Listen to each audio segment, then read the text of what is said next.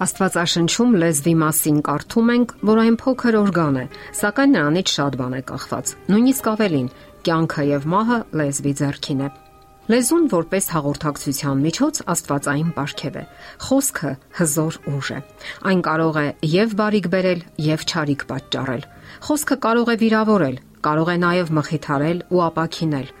Սողոմոնի մաստունը Աստվածային ներշնչանքով գրում է մահը եւ կյանքը լեզվի ձեռքին է։ Ահա թե ինչու հարկավոր է լուրջ ուշադրություն դարձնել լեզվին, զրույցին ընդհանրապես։ Աստված պատվիրել է, որ մարդիկ հավատարիմ լինեն իրենց խոսքի մեջ։ Աստվածային պատվիրանը հրահանգում է. Քո դրացու դեմ սուտ վկայություն մի անի։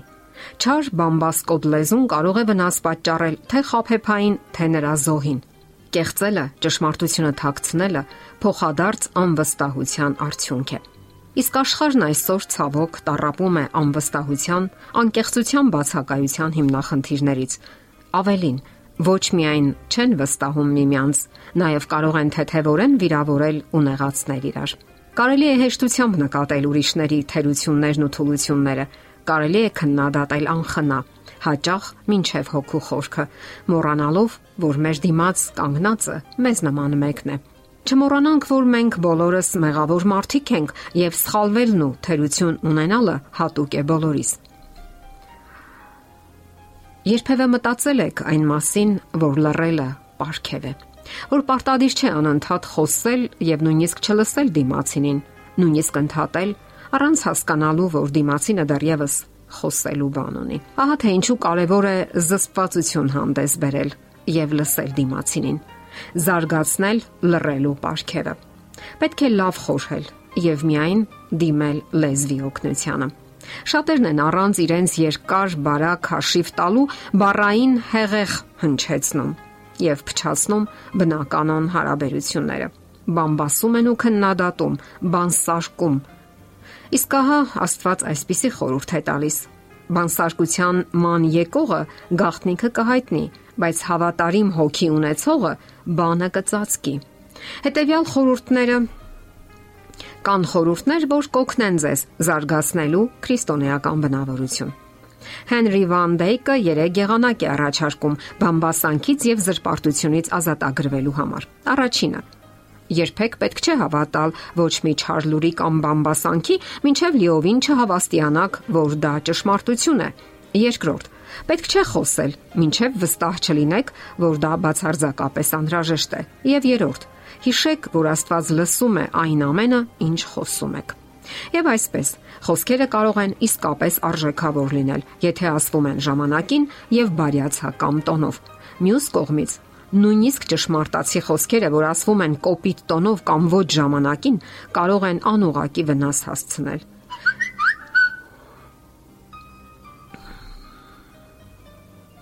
Մյուս կողմից, նույնիսկ ճշմարտացի խոսքերը, որ ասվում են կոպիտ տոնով եւ ոչ ժամանակին, կարող են անուղղելի վնաս հասցնել։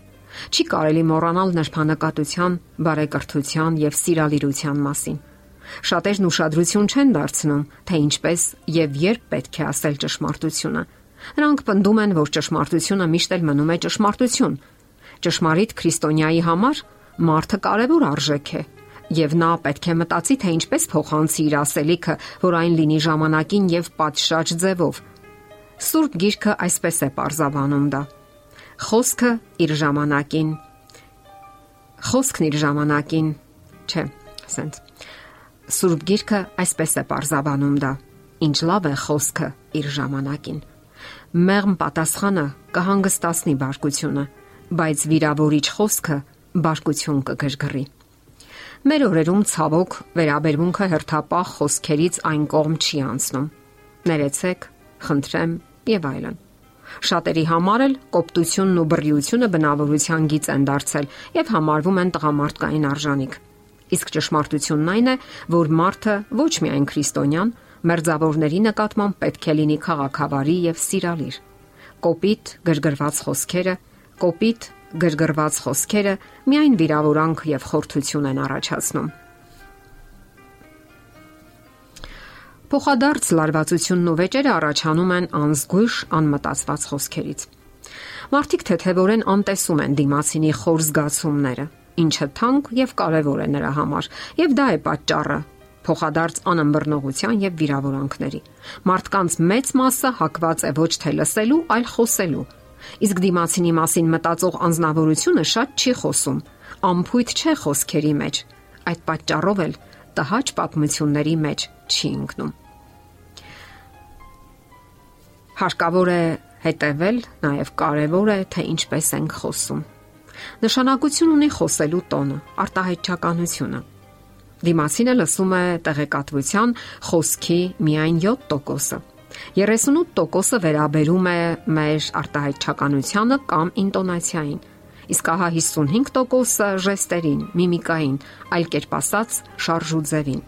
Եվ դա ճիշտ է, քանի որ նույն բառը կարելի արտասանել բազմաթիվ եւ դա հավակնում է ճշմարտության, քանի որ նույն բառը կարելի է արտասանել շատ երանգներով։ Նույն բառը կարող է ասվել հապշտապ, ատամների արանքով կամ էլ անկեղծ, պահանջկոտ, թունոտ, ընդգծված, սառն ու դաժան եղանակով։ Խոսքը կարող է լինել անտարբեր կամ հումորով, ներողության ձևով, սրտի դողով կամ էլ հոգատարությամբ։ Մի րոպե։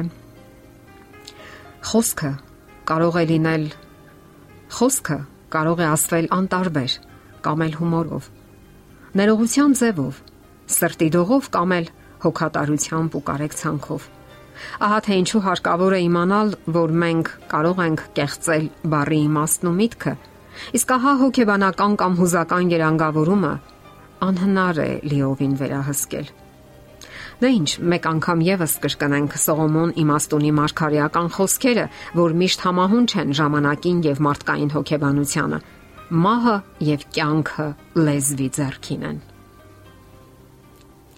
Եթերում է ղողանջ հավերժության հաղորդաշարը։ Ձեզ հետ է Գեղեցիկ Մարտիրոսյանը։ Հարցերի եւ առաջարկությունների դեպքում զանգահարեք 094 08 2093 հեռախոսահամարով։ Հետևեք մեզ hopmedia.am հասցեով։